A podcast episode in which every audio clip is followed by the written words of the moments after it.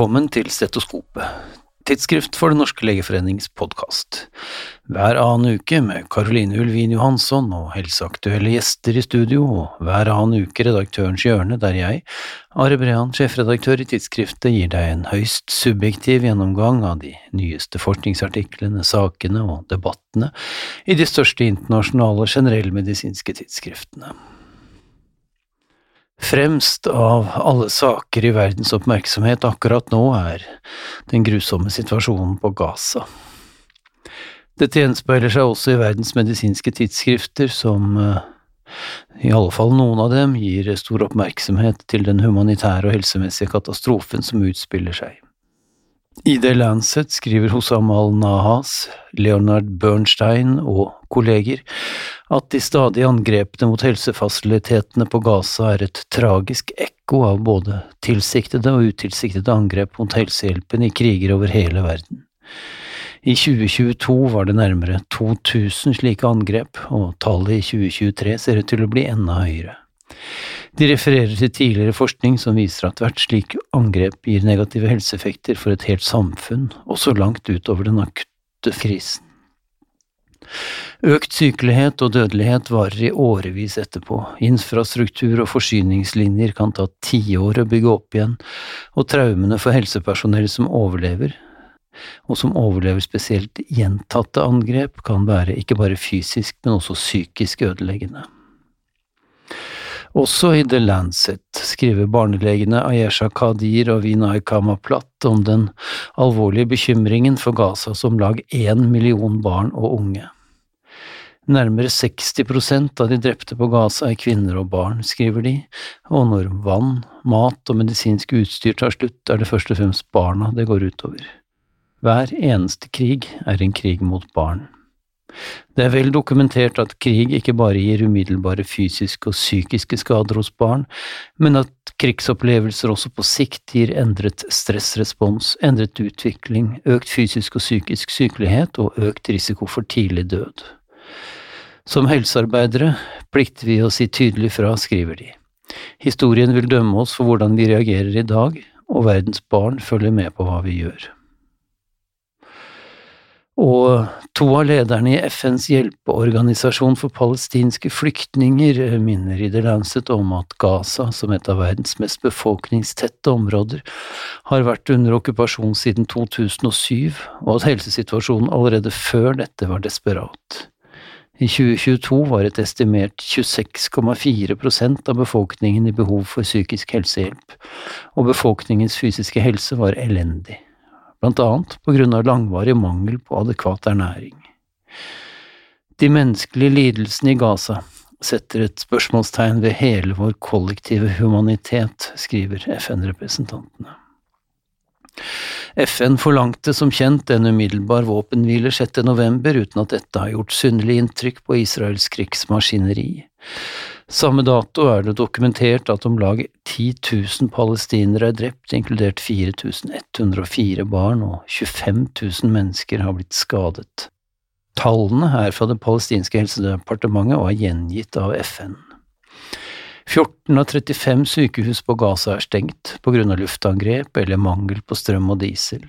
Verdens helseorganisasjon hadde per 5. november dokumentert mer enn 100 angrep mot helseinstitusjoner. FN anslår at om lag 70 000 mennesker har søkt tilflukt i bygninger kontrollert av FNs hjelpeorganisasjon for flyktninger inne på Gaza. Disse bygningene bærer FN-flagget, likevel har mer enn 50 av dem blitt ødelagt i flyangrep. Det estimeres at rundt 180 kvinner føder daglig på Gaza nå, og at 15% av dem vil trenge ekstra medisinsk hjelp. Den hjelpen finnes nå omtrent ikke. Som leger og helsearbeidere, langt unna som vi er, er det lett å føle seg maktesløs, for når selv FN og Verdens helseorganisasjons innstendige oppfordringer ikke gjør det minste inntrykk på krigens gang, hva hjelper det da at vi engasjerer oss? Matthew Vynya, som er professor og leder for Senter for bioetikk ved Universitetet i Colorado, har interessante betraktninger rundt dette i Yama. Vi kan jo så lite om dette, skriver han. Sykehus og utdanningsinstitusjoner innen helse har jo typisk ikke avdelinger for politikk, militær strategi eller historie. Han viser til sitt eget eh, forskning på legers rolle under holocaust, og mener ut fra dette at holocaust er en kraftig illustrasjon av hva som kan skje i et samfunn når helsepersonell svikter plikten til å fortelle sannheten i møte med økende rasisme, dehumanisering og medisinske krigsforbrytelser. Vi bør ifølge Vinja forplikte oss på i alle fall tre områder. For det første å tydelig fordømme dehumanisering og folkemord. Her bruker han Hamas sitt uttalte mål om å drepe flest mulig jøder som ett eksempel, og israelske lederes dehumaniserende språk som et annet. For det andre bør vi som helsepersonell tydelig fordømme både antisemittisme og muslimhat. Medisinen lærer oss at det bare finnes én menneskefamilie, skriver han, og ingen form for rasisme bør tolereres. For det tredje har vi som helsepersonell en spesiell forpliktelse til å ta tydelig avstand fra enkelte krigsforbrytelser, så som villet drap på sivile, det å ta sivile gisler, det å angripe sivil infrastruktur og å bruke sivile som humane skjold. Krigens lover forbyr spesifikt medisinske krigsforbrytelser, og derfor har vi som leger en spesiell forpliktelse til å si tydelig fra om nettopp dette. Dessverre er det slik at eh, verdensoppmerksomhet har vansker med å romme mer enn én krise om gangen. Under radaren for de humanitære krisene i Ukraina og på Gaza går for eksempel situasjonen i Sudan. Der pågår det nemlig en humanitær krise av episke pro proporsjoner, det skriver The Lancet 11. november.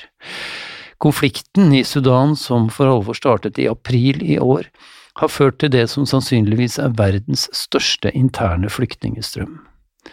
UNICEF og Verdens helseorganisasjon har beregnet at over 100 000 barn under fem års alder kan dø innen utgangen av året på grunn av krigshandlingene og de resulterende effektene på helsevesen og generelle forsyninger. 70% av sykehusene i konfliktområdene har blitt okkupert eller ødelagt. Tusener står i fare for å dø av akutt feil og undernæring og omfattende utbrudd av kolera, denguefeber, meslinger og malaria. Helsevesenet i Sudan var allerede før krigen kraftig underfinansiert og sårbart, og har nå mer eller mindre kollapset. Til og med Leger uten grenser har måttet trekke seg ut av Khartoum etter at de måtte legge ned all traumekirurgi og keisersnittoperasjoner etter flere måneder der de militære myndigheter har nektet å levere utstyr til sykehuset.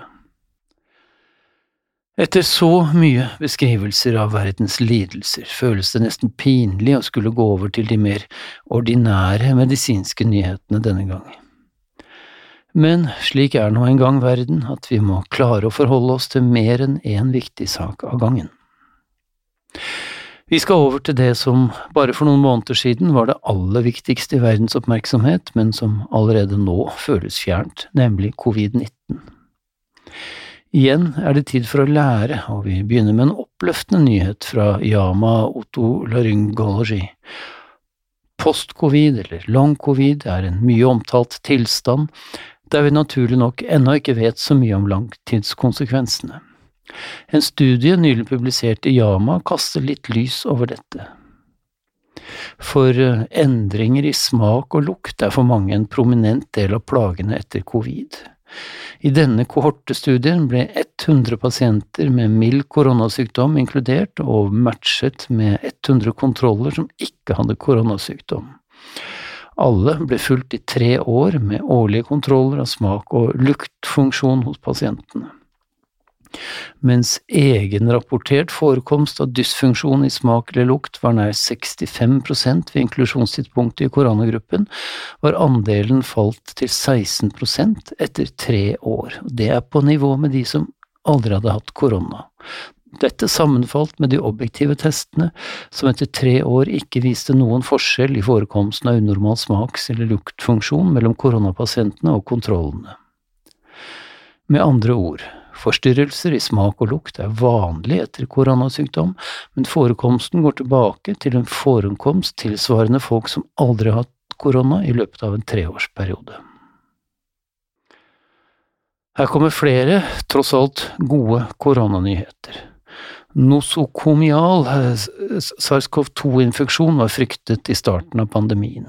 Siden det som oftest var de mest sårbare som fikk nosokomiale infeksjoner, var dødeligheten høy og tiltakene mange for å minske risikoen. Men utover i pandemien har viruset endret seg, seroprevalensen av antistoffer har økt, også i den nosokomialt utsatte delen av befolkningen, og vaksinedekningen har blitt bedre og bedre. Er det fortsatt behov for skjerming av nosokomialt utsatte deler av befolkningen? Det har en ny svensk studie publisert i Yama Network Open forsøkt å svare på. Studien var en matchet retrospektiv kohortestudie som inkluderte noe over 2000 pasienter med verifisert nosokomial SARS-CoV-2-infeksjon innlagt på sykehus, samt noe over 5000 kontroller, også innlagt med SARS-CoV-2-infeksjon, men som ikke var nosokomialt akvirert. 30-dagersmortaliteten for nosokomiale infeksjoner sammenlignet med kontrollene var høyere i perioden før vaksinasjon fantes, med en hasard-ratio på 2,97, enn i tidlig vaksinasjonsfase, da hasard-ratio var 2. Lavest var mortaliteten i sen vaksine- og omikronfase, da hasard-ratioen var 1,2, og det var ikke signifikant forskjell sammenlignet med kontrollene. Med andre ord, dødeligheten var høy i tidlig fase, men sank til ikke-signifikant nivå sammenlignet med andre pasientgrupper i sen fase, når vaksinasjonsgraden var høyere. Studiens svakheter til, slåss, til tross, nå er tiden for selektive smitteverntiltak, ikke generelle, slik det konkluderes i en korresponderende lederartikkel.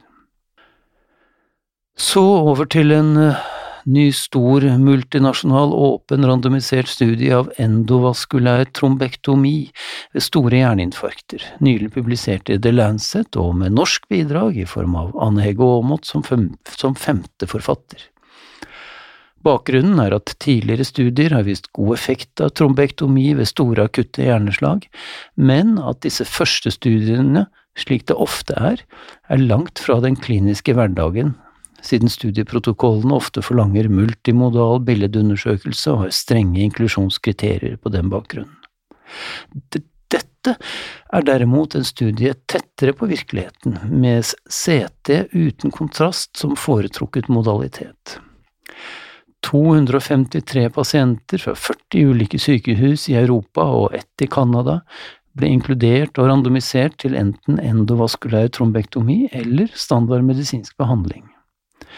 Studien ble stoppet allerede etter den første planlagte interimanalysen, fordi trombektomi var assosiert med signifikant bedre klinisk utkomme, målt med Rankin-skala, samt signifikant lavere mortalitet sammenlignet med kontrollene.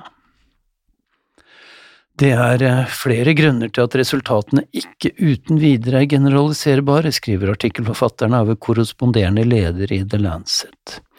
En er at inklusjonsfasen var lang, og den foregikk i mange sykehus, noe som tyder på at svært mange pasienter ikke ble inkludert. Flere lignende studier er på vei. Til sammen vil disse forhåpentlig gi enda tydeligere svar på hvem som kan tilbys slik behandling med forventet god effekt også i en vanlig klinisk hverdag. Så skal vi til to store folkesykdommer, nemlig henholdsvis irritabel tarmsyndrom og kneartrose. Først til irritabel tarm. Det er en ufarlig, men svært plagsom tilstand med en global prevalens på mellom 5 og 10 prosent. De direkte og indirekte kostnadene ved tilstanden er bare i England estimert til 1 milliard britiske pund i året, og i USA til over 10 milliarder amerikanske dollar. Førstelinjebehandlingen, ofte i form av kostholdsendringer, stressmestring, antispasmodika, laksantia osv., gir hos mange ikke særlig effekt, eller i alle fall ikke tilstrekkelig effekt, og da er det få andre gode behandlingsmuligheter. En del mindre studier har vist mulig effekt av trisykliske antidepressiver som amitriptylin i lavdose, men studiene er generelt små og inkonklusive. Det har en stor, randomisert, dobbeltblindet, placebokontrollert studie nylig publisert i The Lancet forsøkt å bøte på. Over 460 pasienter med irritabel tarm uten tilstrekkelig effekt av førstelinjebehandling ble rekruttert blant pasientene i 55 primærlegekontor i England. Pasientene ble randomisert til eh, mellom 10 og 30 mg amitryptylin daglig eller placebo i seks måneder, med et standardisert symptomscore-skjema som endepunkt. Det var ingen forskjell i frafallsrate eller i bivirkninger mellom gruppene. Amitryptylin-gruppen hadde signifikant bedre symptomscore enn placebo-gruppen etter seks måneder, men effektforskjellen var moderat. Det var ingen forskjell mellom gruppene i generell symptomscore for mental helse, og heller ikke i andelen arbeidsføre ved studieslutt. Interessant nok, og, og vel kjent fra andre studier på irritabel tarm, var det en betydelig effekt på symptomene også i placebogruppen, muligens relatert til den tette oppfølgingen i studietiden. Konklusjonen som settes i en korresponderende lederartikkel, er at resultatene støtter amitriptylin som behandlingsmulighet ved manglende effekt av annen type behandling, men altså ikke som standardbehandling og bare ved personalisert oppfølging. Så var det kneartrose, da. Enda en folkesykdom over hele verden. Tall fra 2017 viser at 57 millioner amerikanere er plaget av tilstanden, som i rene penger koster det amerikanske samfunnet 60 milliarder dollar årlig i behandlingsutgifter og tapt produktivitet. I mangel av sykdomsmodifiserende behandling er det derfor ikke rart at dårlig dokumentert behandling, som for eksempel stamcelleinjeksjoner, blir stadig mer vanlig.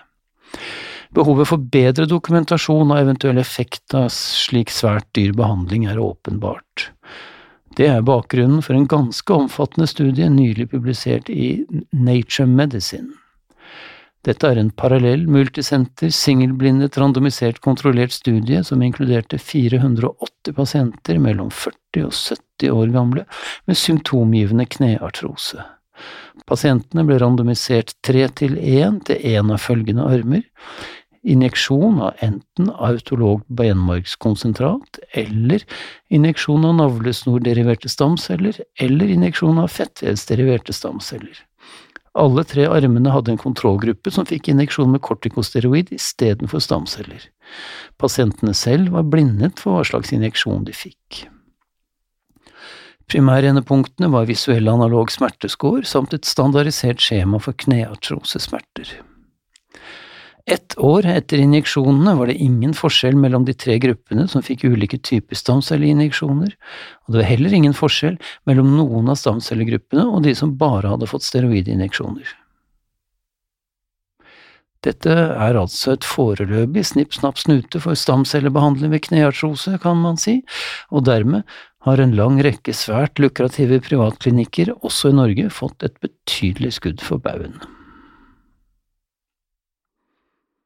Til sist i dag, noen ord om Terry Hamblin.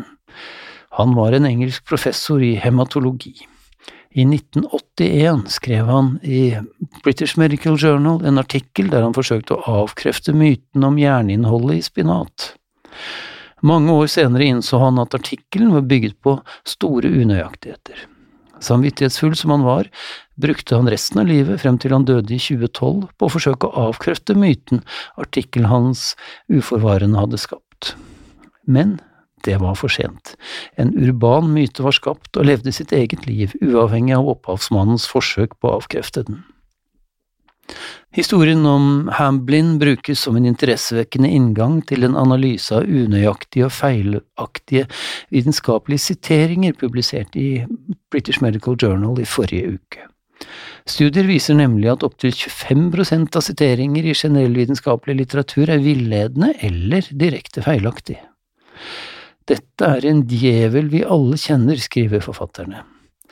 En artikkel siterer en kilde som ikke støtter det aktuelle utsagnet, eller enda mer vanlig, den første referansen sender leseren ned i et kaninhull med referanser hvor bunnen både er vanskelig å finne og å tolke. Dermed videreformidles og forsterkes påstander som er falske, feiltolkede eller begge deler. Det stimulerer til såkalte akademiske urbane myter som senere blir sirkulert som sannhet. En studie av nærmere 5000 vitenskapelige siteringer viser at blant feilsiteringene viste nærmere 40% til ikke-eksisterende funn. 15% var unøyaktige tolkninger av ekte funn, og hele 20% var kjeder av unøyaktige siteringer bare kopiert fra artikkel til artikkel i litteraturen. Særlig problematisk kan dette være for leger, ifølge forfatterne. Om vi enn er spesialister, er vi som oftest generalister innen vårt mangslungne fag likevel, uten den dype spisskompetansen som preger andre og mer superspesialiserte, nisjepregede disipliner enn medisin. Dermed kan vi lettere la oss mislede av påstander som tilsynelatende er godt referansebelagte. Med andre ord bør du gå grundig gjennom referanselisten også av denne episoden av Redaktørens hjørne. Vi høres neste gang.